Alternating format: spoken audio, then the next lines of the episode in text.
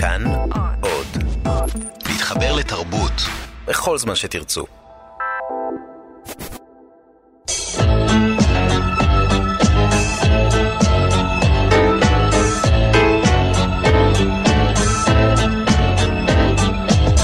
גיבור תרבות הדוקטור דן הרב והדוקטור דוד גורביץ' באולפן עם יונתן גת.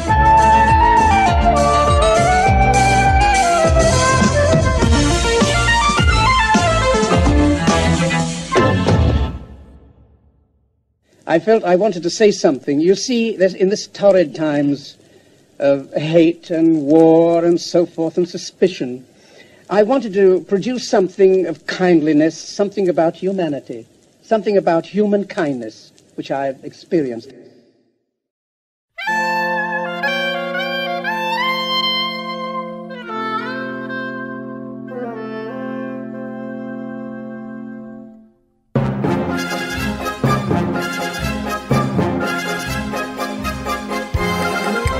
כן, זה היה קולו של גיבור התרבות לתוכנית שלנו הפעם, ולמרות שהוא אחת הדמויות המפורסמות בעולם, יש מעט מאוד אנשים שיצליחו לזהות את הקול הזה ששמענו עכשיו, את דמותו כל אחד מכיר.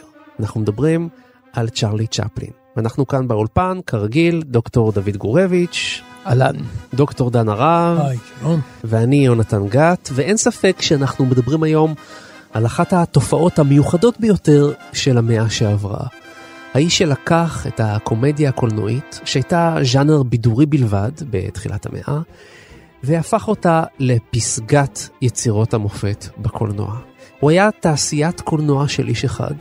הוא כיכב בסרטים שלו, כתב את התסריט, ביים אותם תוך כדי, מאחורי הקלעים גם הפיק את הסרט, ערך במו ידיו את הפילים, ממש עם מספריים, כן?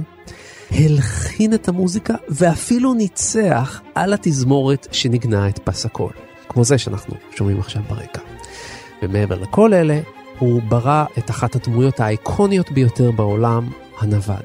דמות כל כך מפורסמת, עד שכמעט אין אף בן אנוש שלא מכיר אותה גם יותר ממאה שנה אחרי שהומצאה. זה בדיוק העניין, יונתן. אני חושב שאנחנו מדברים על דמות שחורגת הרבה מעבר לעולם הקולנוע. אנחנו מדברים על... Mm-hmm. אתה יודע, להגיד מותג זה כאילו להזנות את העניין, אבל אני באמת מאמין שאנחנו מדברים על תופעה שנמצאת בלב של כל כך הרבה אנשים לאורך כל כך הרבה זמן ובכל כך הרבה מקומות. אני חושב שהמילה אוניברסליות חסרה לנו פה. הוא בעצם על-זמני, הוא על-מקומי. אנשים מכירים אותו גם אם הם לא ראו את הסרטים שלו. אתה, נכון. אתה מבין את העוצמה של העניין הזה, ולכן כמובן שהוא מגיע מעולם הקולנוע ונדבר על זה, ואנחנו באמת מדברים על אחת הדמויות המרכזיות בדמיון הפופולרי של המאה ה-20. צ'ארל צ'פני בעיניי הוא בעצם הגאון הכי גדול, שבעצם הכי ראוי לתואר גאון.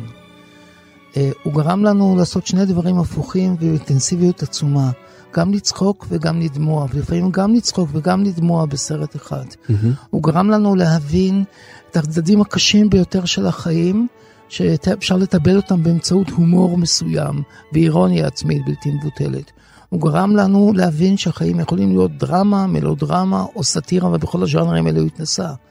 הוא גרם לנו להבין שלאומן יש חוט שדרה פוליטי, ושהוא עומד מאחוריו בסרטים הפוליטיים יותר שלו.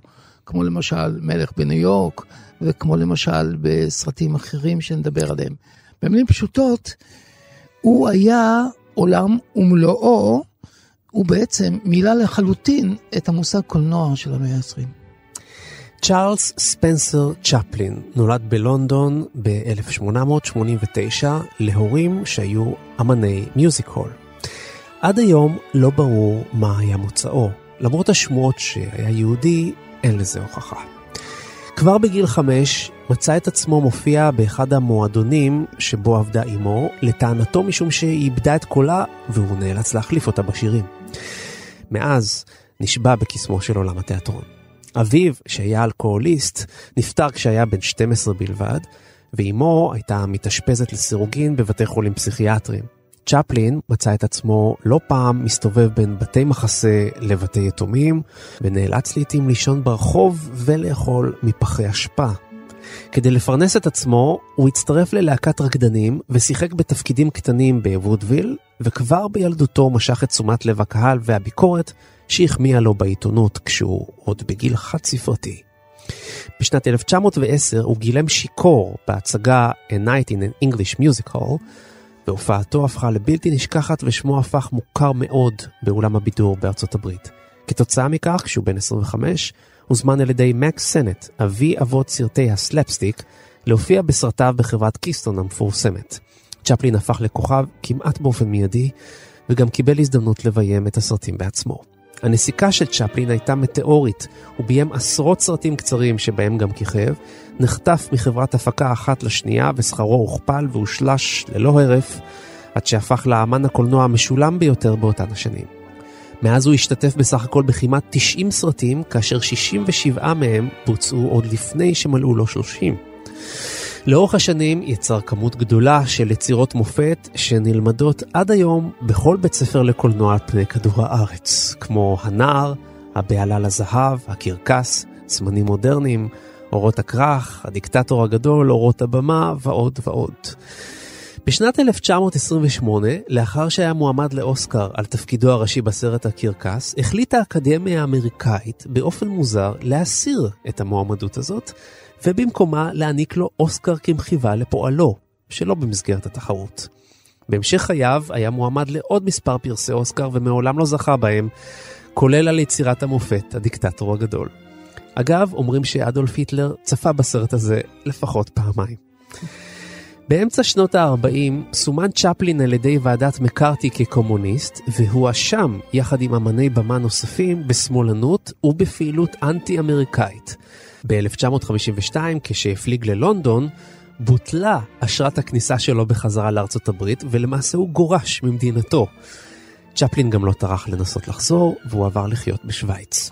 רק בשנת 1972, כשהוא בן 80, הוא נקרא לשוב לארצות הברית על מנת לקבל אוסקר לשם כבוד מטעם האקדמיה האמריקאית, שניסתה לתקן במשהו את העוול שנגרם לו. צ'פלין התחתן ארבע פעמים.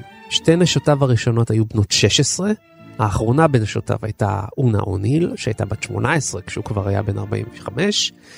נולדו להם שמונה ילדים, ובסך הכל צ'פלין היה אב ל-11 ילדים. בשנת 1975 העניקה לו מלכת אנגליה את תואר האבירות. הוא נפטר כשנתיים לאחר מכן בגיל 89, ועוד דבר אחד, בשיא תהילתו נקלט צ'פלין לתחרות כפילים של צ'פלין, הנווד. הוא החליט להשתתף בתחרות והגיע למקום השלישי.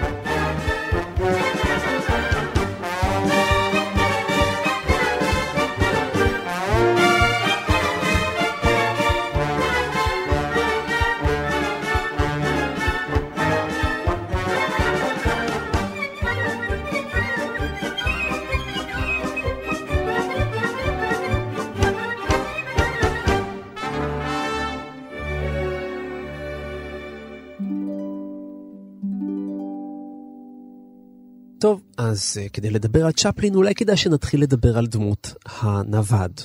זה מעניין, כי זאת דמות שדווקא לבושה בהידור. זה אדם שיש לו חליפה, יש לו מגבעת, יש לו מקל, שבזמנו היה דווקא נחשב לסמל סטטוס גדול, כן, המקל ההליכה, אלא שהכל מרושל. זה לא מתאים לו בכלל, זה לא מתאים למידות שלו. החליפה קטנה מדי, הנעליים גדולות מדי, המכנסיים רחבות מדי, כלומר, זה מרמז שאת הדברים האלה הוא מצא ברחוב, בזבל. הוא אסף מפה ומשם. ולמרות שהוא הומלס, אם תשימו לב הוא מתנהג כמו ג'נטלמן של האפר קלאס. הוא מסיר את הכובע מול נשים, יש לו תנועות מעודנות, יש לו מחוות של גנדרנות כזאת. גם כשהוא אוכל נעל, הוא מקפיד לנקות את הפה יפה יפה. יונתן, התיאור שלך הוא מדויק, מכיוון שצ'פלין הוא בדיוק האדם האמביוולנטי הזה. מצד אחד הוא רוצה להתקבל, מצד שני אין לו סיכוי, הוא תמיד יישאר מחוץ כן. לשיטה, מחוץ לסדר. הפוטנציאל הקומי בדיוק נובע מהמקום הזה. העובדה שהוא נווד, העובדה שהוא בעצם לא קבוע, מה זה נווד? בן אדם שבעצם חוסר הקביעות זה הדבר הקבוע היחיד בעולם שלו. היא זאת שמאפשרת לו להתבונן כל הזמן מבחוץ על תופעות אנושיות, על השיטה בעצם, ומאפשרת לנו לקבל את הביקורת שלו ממקום שהוא, שיש בו גם הרבה חמלה. אנחנו באיזשהו אופן אה, מזדהים עם הדמות הזאת. הוא, הוא, זה, זה, זה קורה לנו, אני חושב, גם ביום-יום. אנחנו לפעמים רואים אנשים כאלה שאנחנו אה, אומרים, הם, הם שקופים, ואנחנו יודעים שהם רואים אותנו אחרת לגמרי מאיך שאנחנו רואים את עצמנו, ולפעמים זה מעורר אצלנו איזושהי חמלה. חושב שזה הכוח שלו. אגב, זה הומצא במקרה, לפי מה שאני הבנתי. Mm-hmm. הדמות הזאת כנראה, הוא לא ממש תכנן אותה, אבל מהרגע שהיא נבראה בצלמו, הוא הבין שיש לה פוטנציאל אדיר, ואכן הוא המשיך איתה הרבה מאוד שנים. אז בעניין הזה אני רוצה להגיד שהקולנוע באותן שנים היה סוג של פלא, ויחד עם זאת, בגלל שהוא עוד היה בחיתוליו, הוא עוד אה, ככה גישש את דרכו לאותנטיות. כי המשחק בקולנוע בשנות ה-10 וה-20 הוא עדיין אה, מוגזם, הוא גס, תיאטרלי. הוא תיאטרלי. המחוות של השחקנים הן מאוד בוטות. האיפור מוגזם, וכשמישהו היה כועס, הוא היה מעוות את הגבות, הגבות המודבקות הגדולות, ומחמיץ את הפנים, כי רוב מי ששיחק בקולנוע אז הגיע מהתיאטרון, ושם התנועות היו מאוד גדולות. והם עוד לא הבינו שהמצלמה צריכה ניואנסים קטנים. אני חושב, לדעתי, שההתאהבות המיידית בצ'פלין קרתה כי הוא היה מאוד אותנטי, הוא באמת היה נווד. הוא בא משם, הוא ידע מה זאת בדידות, ומה זאת נטישה, ומה זה רעב, ומבחינתו הוא לא היה צריך לגלם זה mm-hmm. מהבית. והמצלמה קולטת את הדברים האלה, הקהל זיהה את זה. Mm-hmm. נכון. בוא נגיד שזה לא סתם שהוא קנה את אהבת הקהל כשהוא חיכה שתיין. כשהוא הופיע בוודוויל כשתיין, אנחנו זוכרים מהביוגרפיה שלו, אבא שלו היה אלכוהוליסט. והביקורות לפחות בעיתונות דיברו על זה שאנשים לא הבינו שהם רואים כרגע שחקן, הם היו בטוחים ששתיין יצא מהמושבים של הקהל, עלה על הבמה, התחיל להשתלט על ההופעה, והיו בטוחים שצריך לקרוא למשטרה, רק אחר כך הם הבינו שזה אכן שחקן. זה לא סתם שהוא כל כך היה משכנע. נכון, זאת אומרת, אמנות אף פעם לא נולדת מחוויות מאושרות. זאת אמת בנאלית וכמעט קלישאה, אבל זאת נכון, תשמע, אנשים מאושרים, אין להם שום צורך באמנות, פשוט חיים את החיים. מי צריך את האומנות? לא חשוב איזה, איזה ז'אנר אתה בוחר באומנות או באיזה תחום אתה... כשיש לך חוויות שלא, שהן unfinished business איזשהו מהילדות שלך ואתה רוצה לתת לזה ביטוי, כן. לאבד את זה, איזשהו עיבוד נוסף דרך היצירה האומנותית, דרך המדיום האומנותי. כיוצא בזה גם uh, צ'רלי צ'פלין. החוויה הזאת של הנטישה. גם האם, כמו שציינת כבר קודם, הייתה מאושפזת באופן mm-hmm. תקופתי. האב שאי אפשר לסמוך עליו, שהוא לא מפרנס, שהוא לא מביא כסף, שהוא מתמוטט, שהוא בעצם משפחה בלתי מתפקדת. כן. וגם משפחה שחיה כל הזמן בעולם של בידור.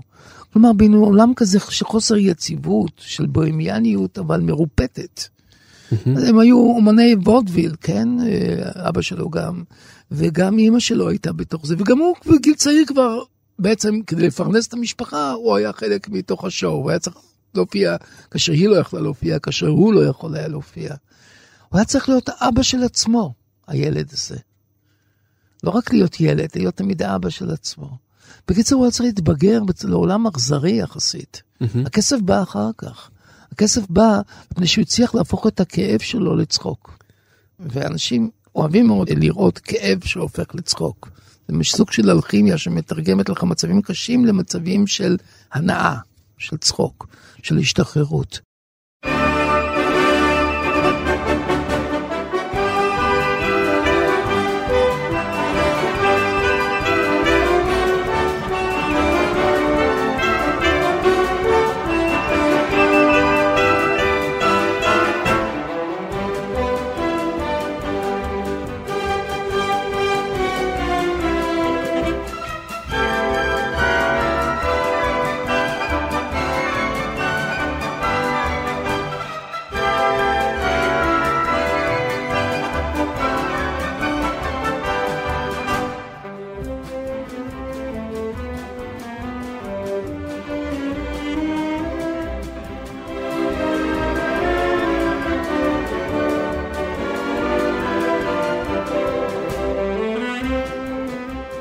מוסיף עוד קו אחד נוסף לדמות של הנווד הזה.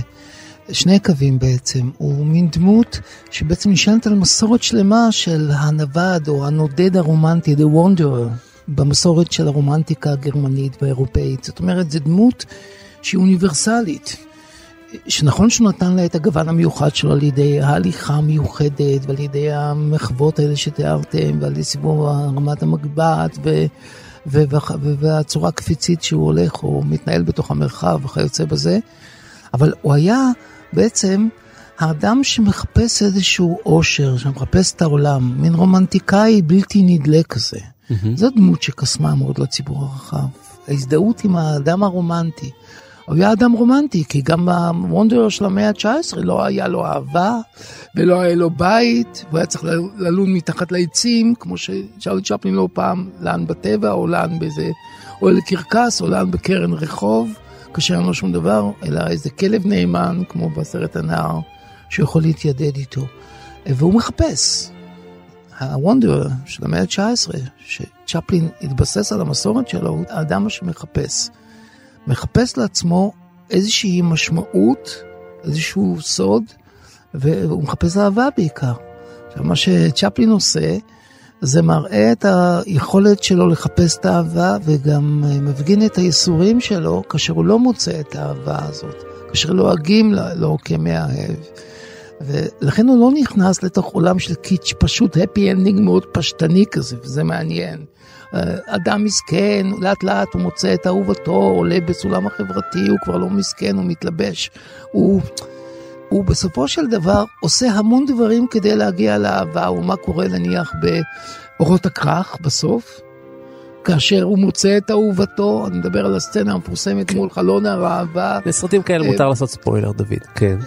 אני יודע, לכן אני עושה זאת ברצון רב.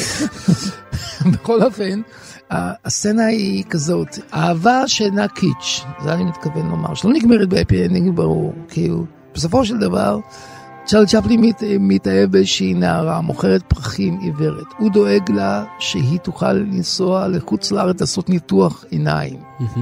היא חוזרת, ואז שוב הוא מבקר אותה בחלון הערבה שלו בסצנת הסיום של הסרט. ואז היא פותחת את העיניים, והוא מציג את עצמו לפניה, והוא רוצה שהיא תזהה אותו. ומה קורה בסצנה האחרונה הבלתי נשכחת הזאת, היא אומרת לו, רק מילה אחת, אתה? הוא כמובן הנווד, המסכן, לא אותו אחד שהיא דמיינה לעצמה, המשפט, המשפט האחרון זה שהוא מסתכל עליה ואומר לה, עכשיו את רואה. עכשיו את רואה, אוקיי. Now you see, כלומר, עכשיו לא רק את רואה, עכשיו את יודעת את האמת. כי באנגלית to see זה כמו לדעת גם. את רואה את המציאות, המציאות היא שבעצם פינטסט לך שאיזה עשיר ואיזה אלם, איזה אלם חלומות, נסיך שלח אותך על חשבונו וחזר, ועכשיו את תתחתני עם הנסיך, אבל זה לא אגדה, זה אגדה אורבנית עכשיו, זה אגדה קשה. אנחנו באורות הכרך, בכרך אין רחמים. את רואה? כאילו הוא אומר לה, את כבר לא כל כך מתלהבת, נכון? סגירת מסך. אז אני אומר, מעטות הסצנות האכזריות והאמיתיות והמרגשות בתולדות הקולנוע מהסצנה הזאת. ולכן, הדמות של הנווד היא גם דמות טרגית, לא רק קומית. ולכן הוא האיש היחיד שיודע לעשות באותה אומנות גם צחוק וגם דמעות להוריד לנו. עכשיו, זה דבר שאנחנו הכי מוכנים לשלם בשבילו הכל, לצחוק ולבכות. בשביל זה יש אומנות, רק בשביל שני דברים, לצחוק ולבכות. ונדמה לי האומן שמספק לנו את זה בשפע בלתי נדלה הוא צ'רלי צ'פלין.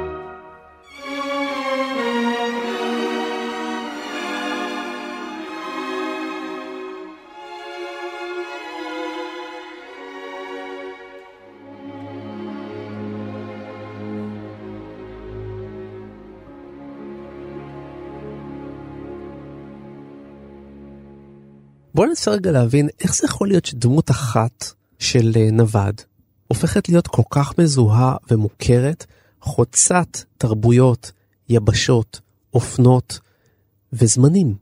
הרי זה כבר יותר ממאה שנה אחרי שהומצאה הדמות הזאת, ועדיין אנחנו רואים ילדים מתחפשים אליה בפורים, וכששמים לילד בן שלוש, ארבע, יוטיוב בטאבלט כן. והוא רואה את צ'פלין, אה, הילד נשבע בזה לגמרי, למרות שזה שחור לבן, למרות שזה אילם, למרות שזה מגורען, הוא ישר מחפש את הסרטים הנוספים, את ההמלצות הנוספות בצד, לראות עוד מהאיש הזה.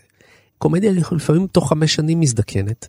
למה אצל צ'רלי צ'פלין זה עדיין כל כך מהפנט? אני חושב שזה בעיקר בגלל שהוא יצר דמות אוניברסלית. הדמות של אדם שיש לו ואין לו, שהוא גם עני והוא גם עשיר, גם אריסטוקרטי וגם, וגם הומלס, שהוא כרגע אין לו כלום, אבל מחר הוא יכול פתאום להרוויח את הכל ולהפסיד את הכל. אדם שמתנשא במין הרפתקאות אינסופיות, שכל העולם הוא שדה הצעצועים שלו. לזה אני קורא דמות אוניברסלית שמאפשרת כמעט את כל המצבים האנושיים. היא מאפשרת את הדמע ואת הצחוק, ולכן מאפשרת הזדהות עצומה. מגניטיות כזאת אינסופית. דמות כזאת, ובצורה הזאת שהוא עיצב אותה גם מבחינה גרפית, מבחינה ויזואלית, אף אחד לא הצליח ליצור מנעד כזה של רגשות, של אפשרויות אנושיות. זאת תשובתי. אבל כשאני מדבר על איקוניות, אז המימד החזותי, המימד הוויזואלי הוא כן מרכזי, ואני חושב שכן שווה לנסות לחשוב גם עליו. בסדר, אולי הוא לא- ברור, לא, אבל השאלה לא... מה הוא מייצג המימד הזה. לגמרי, אתה צודק. אבל, אבל עדיין אני חושב שמשהו ב, ב, בייצוג של הדמות הזאת, אני תמיד חושב על צ'פלין כדו-מימד, ולא כתלת-מימד. זאת אומרת, משהו נורא נורא פשוט, לא במובן הפלקטי, במובן הפשטני, אבל משהו שנורא בקלות קריקטוריסט יכול לצייר. נורא בקלות אפשר, והרי הוא הפך לפוסטר של IBM, וזה זה, זה, זה, זה דמות שהמאפיינים שלה הם נורא נורא מובהקים. זה שפם, זה מגבעת, זה מקל. זה מוחלט, והפנים הם כאילו חלקות לגמרי. כאילו פני כמו פוקר. מסכה, כמו בדיוק, מסכה. בדיוק. מס... אז בדיוק. אולי זו תשובה נוספת לאוניברסליות שלו. יש משהו מאוד מובהק, ועם זאת מאוד מאוד פשוט בפיזיונומיה הזאת ובמאפיינים הצורניים. כלומר, דווקא הסכמטיות, כן. הפשטות, היא לא פשטנות, אלא היא מייצרת לך איזה, איזה זיקוק סביב סנם שלושה יסודות גרפיים כן. או עיצוביים. שאיתם אתה, שאותם אתה מפנים, כאילו, ואתה לא יכול לשכוח. בגלל שדמות כזאת מסיחית כזאת, דמות קרימת, כאילו קרטונית כזאת, כמו שאתה תיארת אותה, שזה כמובן אה, תשובה נוספת, היא יותר בתחום של, ה, של, ה, של הצורה. כן. עכשיו, מה שאתה אמרת זה למה הוא כזה אה, נצחי מנקודת מבט של הצורה. ואני דיברתי מנקודת כן, מבט של כן. התוכן, של, של האוניברסליות של האפשרויות האנושיות כן. שהדמות הזאת המיוחדת ייצגה.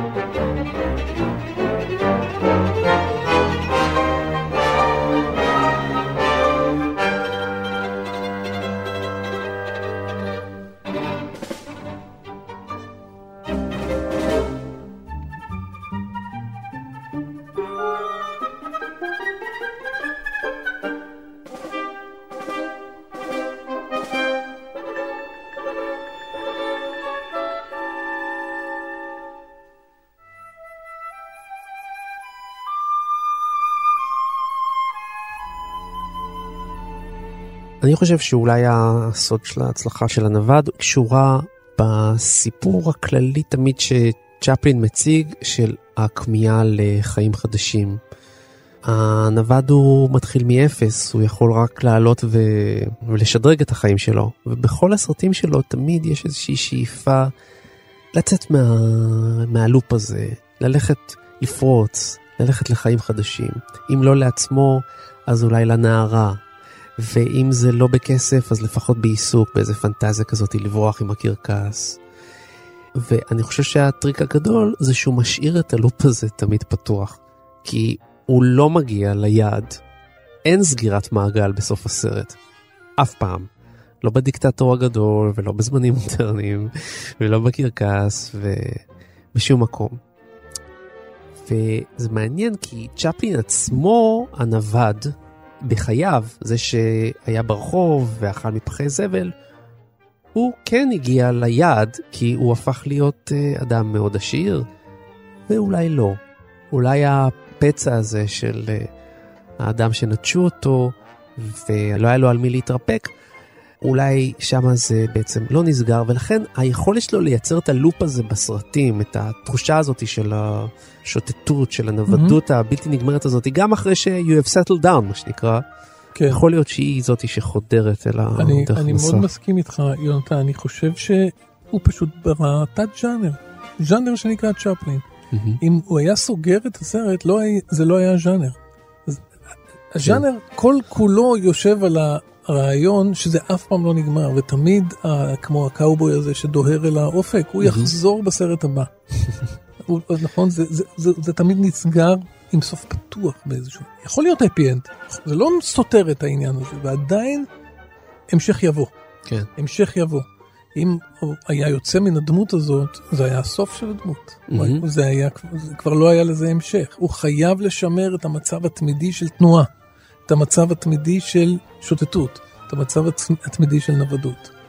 כן, אף פעם אין לנו תחושה מדי גדולה של חגיגה עצמית או התענגות מעצמו, תמיד יש לו כן. אירוניה מהצד, בעלה זר, הוא נהיה מיליונר, אבל הוא לא הגלר העניין של המיליונריות, כן. כי הצלם שמגיע אומר לו בוא תתחפש לנווד הישן, ועכשיו הוא מופיע כבר בגדים מפוארים, עם תת לבושת כמו איזשהו מיליונר, מולטי מיליונר. ואז הוא אומר, כן, בשביל להיות פופולרי הקהל דורש את זה, בוא אני אצטלם לך בדמות שלי, בוא אני מוכן לחזור למיתוס שהקהל רוצה. וזה עושה בעצם איזשהו רפרנס, איזושהי פרשנות כן. לדמות שלו בעיני הציבור. יש לו איזושהי תפיסה אה, כזאת אה, של מודעות עצמית עצומה, ואירוניה מהצד, וסרקזם עצמי. כלפי אומנות הקולנוע, כלפי הציפיות של הקהל, כלפי האהבה, ואני גם מסכים לרעיון אנשים עשירים הם לא תמיד אנשים אה, מאושרים, מאושרים זו קלישאה ידועה, נכונה, וזה בטח ינחם כל אחד מן המאזינים שלנו כרגע, כולל אלה שיושבים פה. בכל אופן, אה, צ'רלי צ'פלין תמיד היה זה שמיליארדים לא שינו לו כלום. לא, אני לא חושב שהוא היה אדם מאושר, ממש לא. חיפש, חיפש, עוד נישואין, עוד אנשים, עוד, עוד נדודים. חיים אה, מלאי עוצמה אדירה, עליות, נפילות. מלודרמה, כמו הסרטים שלי.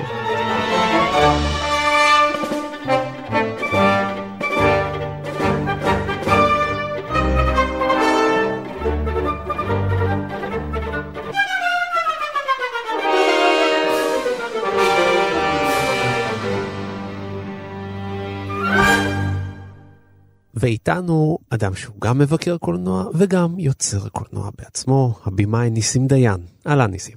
שלום לכם. שלום. ניסים, רציתי לשאול אותך, איזה מין אדם צ'רלי צ'פלין היה? בוא נאמר ככה, שהאיש הזה הוא היה תעלומה. הוא היה תעלומה גם מעצם לידתו. איש לא יודע, אין תעודת אה, לידה ברורה.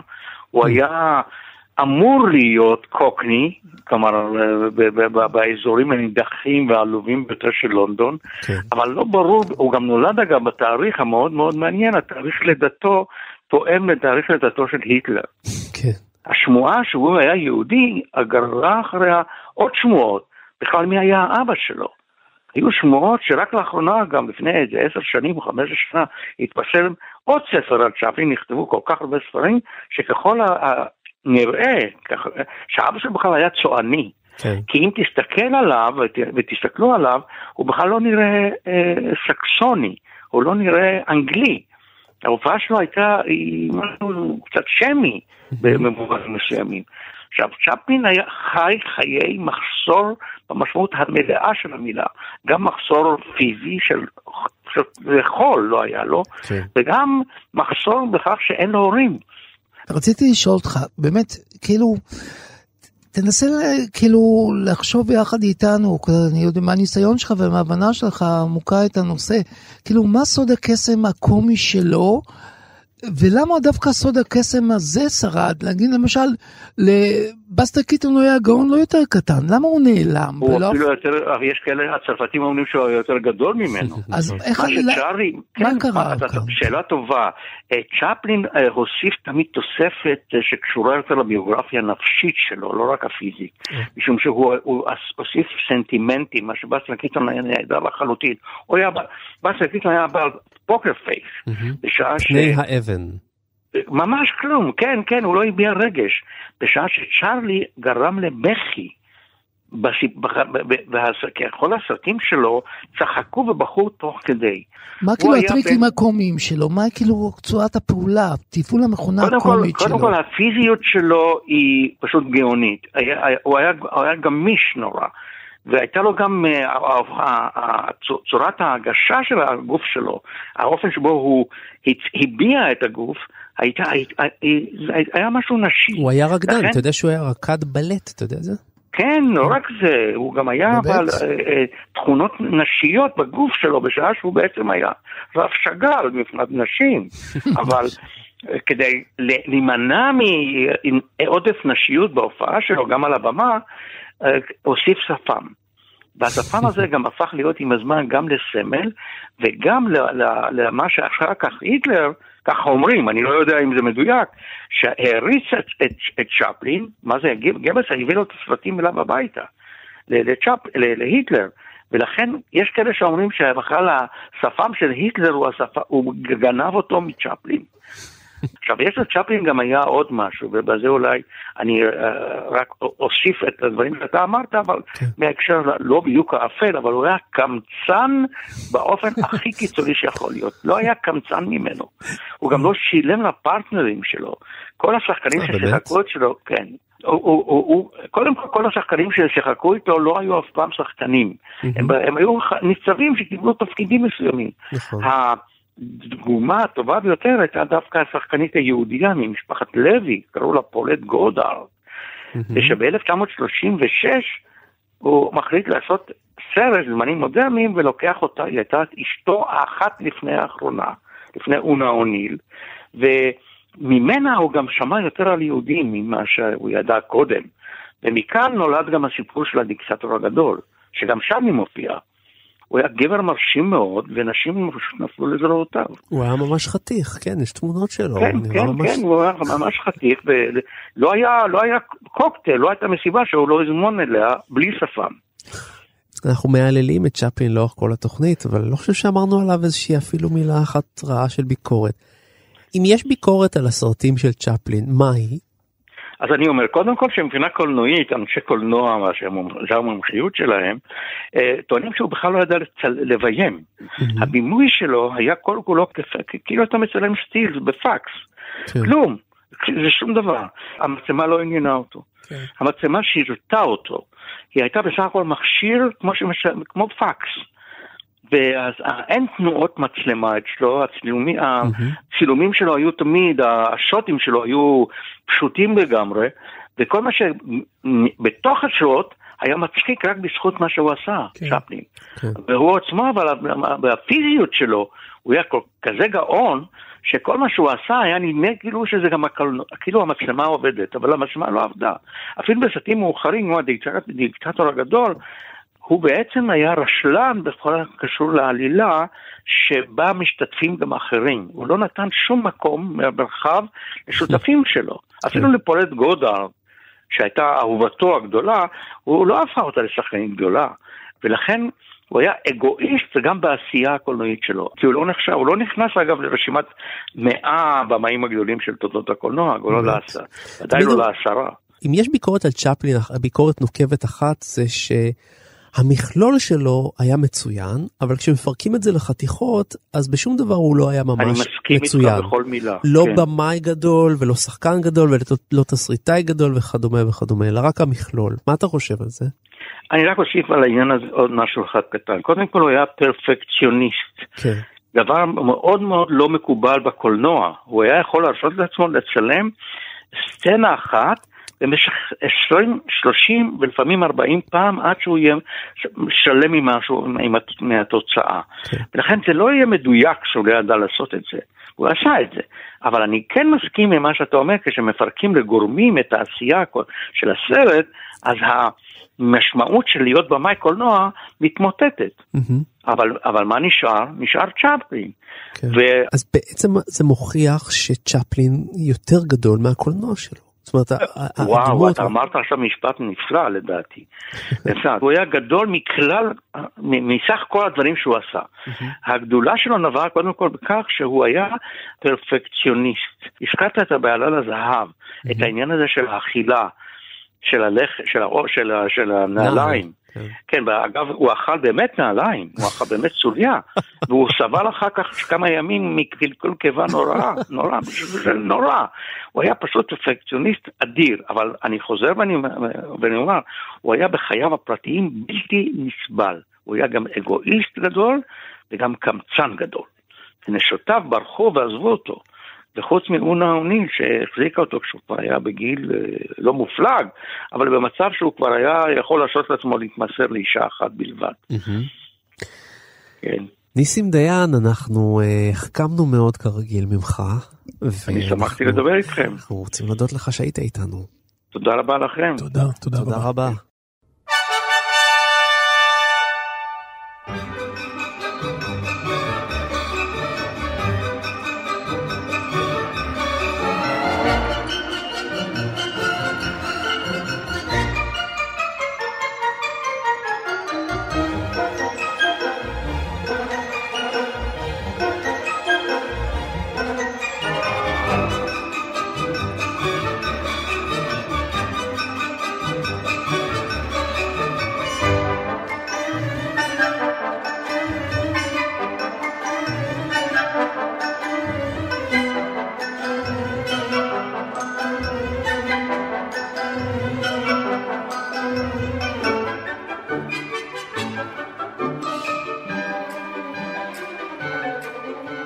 צריך גם את זה לומר, היסוד הקומי הזה שאנחנו מדברים עליו, הוא נולד כתוצאה מאיזושהי התעקשות מאוד מאוד חזקה על, על דיוק, על פרפקציוניזם. זה משהו שאנחנו כמעט לא מכירים בהיסטוריה של הקולנוע. בן אדם mm-hmm. שמדייק את ההפקה, אה, מדובר על עשרות שוטים, על, על, על מאות שוטים שצולמו. רבותיי, 342 טייקים לסצנה אחת, לשוט אחד של אורות הכרך. הקטע של הנערה שנותנת פרח, 342 פעם, שזה אומר שלפחות כמה שבועות כן. צולם טייק אחד. עד שבסוף זה קרה, עד שבסוף זה הצליח לו. תחשוב אם הייתה שם מילה, הייתה פותרת את כל הבעיות. כן, זה מעניין. העניין של הקומדיה והפרפקציוניזם קשורים אחד בשני בצורה מאוד חזקה. באופן כללי לא הפרפקציוניזם, כפי שאמרת, אבל בקומדיה זה עניין של חיים ומוות. Mm-hmm. חייב להיות תיאום מדויק בין הרגע של הנפילה או הסלטו לבין מישהו שירים איזה גבה, ואז כן. כולם יצחקו. ואם זה לא יקרה, ואולי בשנייה אחת נוספת הוא יאחר או יקדים את הרמת הגבה, ולא יישמע המטח הזה של נחיתה אחרי איזה סלטו מצחיק, אז אנשים לא יצחקו. כן. זה ייראה כמו תאונה, כמשהו שיצא מכלל שליטה, כמשהו שהתבלבל האומן וכיוצא בזה. איפה זה כתוב? אצל הנרי ברקסון בצחוק. שם הוא מסביר את כל המכניקה של הצחוק, ואיך היא עובדת. אני לא יודע אם צ'ארלי צ'פלין קרא את זה, בכל מקרה הוא לא היה צריך לקרוא דברים, הוא פשוט יישם את הדברים האלה, והייתי אומר, הפנים אותם אה, לפרטי פרטים, והיה לגמרי, הייתי אומר, טרוריסט של דיוק. כן. כי בלי זה, אתה יכול לעשות הרבה דברים, אבל קומדיה אף פעם לא תוכל לעשות קומדיה בסגנון הזה, קומדיית מצבים כזאת, קומדיה של סיטואציות, אתה דבר... לעולם לא יכול בוא לעשות. בוא נגיד שבשביל לנהל דבר כזה אתה צריך להיות דיקטטור.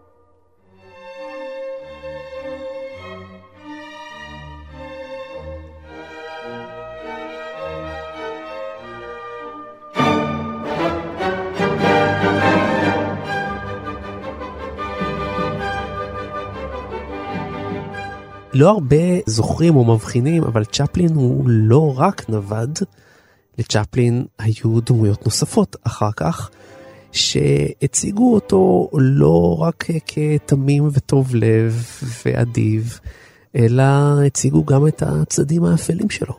נכון, כמו למשל במסיה ורדו, כמו למשל במלך בניו יורק ועוד דברים כאלה. הם לא בדיוק הדמות הזאת, החובבת האנושות, כמו שהוא תיאר אותה בפתיח שאתה השמעת. ובסרטים היותר אפלים שלו, הוא היה הוא עצמו, ולכן פחות מוכר. כמו שאתה אמרת, הוא היה מוכר על ידי הדימוי שלו יותר מאשר הוא עצמו. במופע שם, אם היית רואה אותו בלי איפור, היית פחות מזהה את צ'רלי צ'פלין, ודאי, מאשר הדמות מהקולנוע. למשל, מסיה ורדו, הוא משחק רוצח עדין נפש, שחי בעצם על הטיפשות של נשים, שמסבך אותם בזה, סוחט מהם את הכסף, ובסוף רוצח אותם ועובר מאחד לאחד. זה מין קומדיה אפלה, שבעצם היא סוג של אנליזה ואנטומיה מרתקת של דמות האומן. האומן הוא מין כזה, כזה כחול הזקן כזה, רוצח סדרתי. רוצח סדרתי, צ'ארלי צ'פלין רוצח סדרתי, 47 נדמה לי, זה כן, הזמן כן. של הסרט. נכון. זה הזעה עצומה, אחרי שכל העולם סוגד לדמות הזאת של הנווד החביב, חביב הקהל. העזה עצומה. הוא לא היה בכלל נווד שם בסרט הזה. ועדיין הוא היה נווד. שוב, אדם ללא שם, ללא התחלה, ללא אמצע לסוף, ללא בית. אדם שחי בעצם על הרמאויות שלו, אדם שחי על ה juggling שלו, על הנוכלות שלו, וככה הוא מתגלגל ויוצר איזושהי סאטירה חברתית כללית. כן. אבל איזה העזה להשתמש בצד כזה אפל לקהל שסוגד בעצם לצד הבהיר שלו, הצד הזה של הנווד הרומנטי שדיברנו עליו קודם. כן. אז הנה לך, צד אפל נוסף, קח צד אפל נוסף שלו, האובססיה שלו לנערות צעירות. נשותיו, בנות 16, ויש אומרים שהוא כבר הכיר אותם לפני שהוא התחתן, בגיל 16 כבר הייתה חתונה. הייתה לפני זה עוד היכרות, קח בחשבון כן, היו לו עוד כל מיני פרשות. בקיצור, בלי שניכנס לזה, אבל אתם מבינים שדברים מסוימים נמצאו על הגבול של מה ש... אפילו מעבר לגבול. אפילו כן. לפעמים מעבר לגבול, ויש כן. רמזים לפה ולשם, ולא נחתה בלשון הרע כלפי אומן גאון כזה. כי, כי אנשים לא יסלחו לנו את זה אם נהפוך אותו לאפל מדי, אבל היו לו כל מיני צדדים. כן. היה לו גם מין סרקזם עצום לשיטה הקפיטליסטית. שגידלה אותו, שבמה הוא צמח, הרי הוא היה, הוא היה צעיר בן 20 וכבר היה לו מיליון דולר הוא הרוויח. כי בן 20 ומשהו שם באולפנים. מיליון דולר זה לא מיליון דולר של היום. הוא הראשון שהיה לו חוזה טאלנט. כן, מיליון דולר. כן. לא חוזה קטן תגיד, כן, לא כן. משהו. ובכל זאת, הוא ידע באיזושהי צורה להיות מאוד סרקסטי כלפי הקפיטליזם, את התחושה שלו המיוחדת שזאת שיטה שמעריצה מישהו ואחרי זורקת אותך לכלבים. אמריקה זרקה אותו לכלבים בתקופה של מקארתי, ולא זכרה לו את כל החסד הזה. הכל בגלל נוקשות מסוימת. ואז הוא לא סלח לה את זה. ובא איתה חשבון בסרט אה, מלך בניו יורק, שם עושה סאטירה אדירה על הקפיטליזם, על הבידור האמריקאי ועל הקולנוע האמריקאי והציפיות. אז צד אפל מצד אחד, אבל צד מאוד אומנותי וביקורתי מצד שני, וצד מאוד כן כזה, אמיתי, כאילו מוכן לשפוך את כל הקרביים של עצמו מול, מול על המסך. זה דבר uh, מדהים. This, Your Majesty, is Rupert, our young editor. How do you do, Rupert? How do you do? Sit down. And what's that you're reading? Karl Marx. Surely you're not a communist. Do I have to be a communist to read Karl Marx? Rupert. That's a valid answer.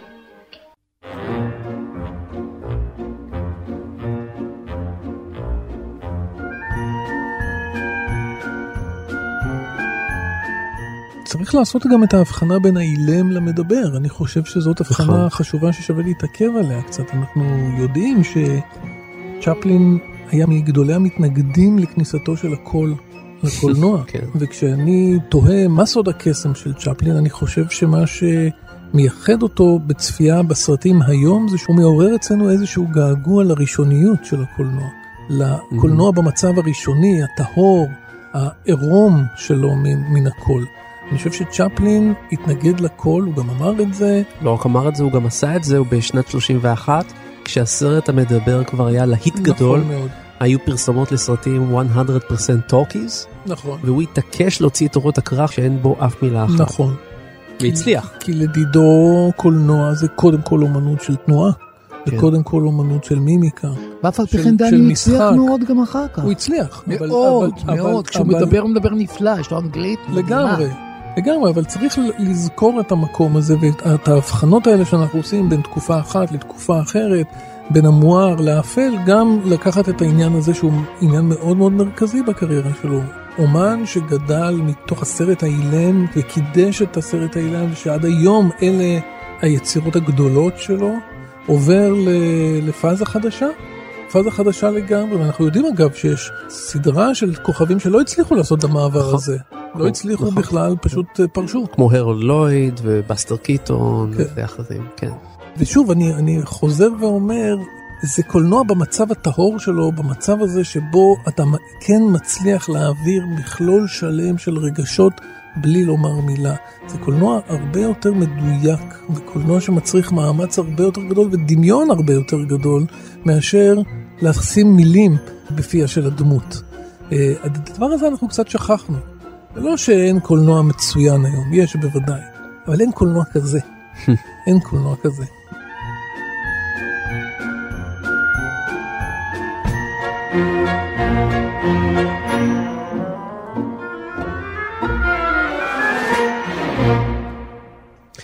סיימנו, אבל זה ממש לא הכל, כי לגיבור תרבות יש עוד עשרות תוכניות ששידרנו עד היום, בין היתר גם על יוצרי קולנוע נוספים שהושפעו מאוד מצ'פלין, כמו פדריקו פליני ווודי אלן, וגם מרלון ברנדו שהופיע בסרטו האחרון של צ'פלין הרוזנת מהונג קונג. כן, לא הרבה יודעים. מופיע שם עם סופיה לורן. ועוד ועוד דמויות וגיבורי תרבות משלל תחומים נוספים. את כולם אתם יכולים לשמוע בפודקאסט של גיבור תרבות, נכנסים לכאן אודי, עוברים לאזור הפודקאסטים, כל התוכניות שלנו יחכו לכם שם.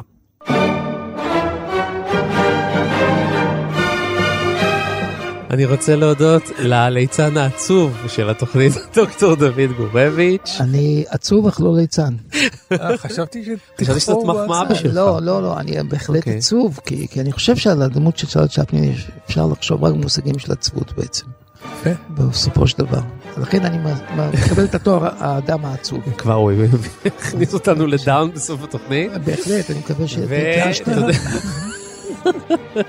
דוד, צחוק ודמע זה אתה. בהחלט.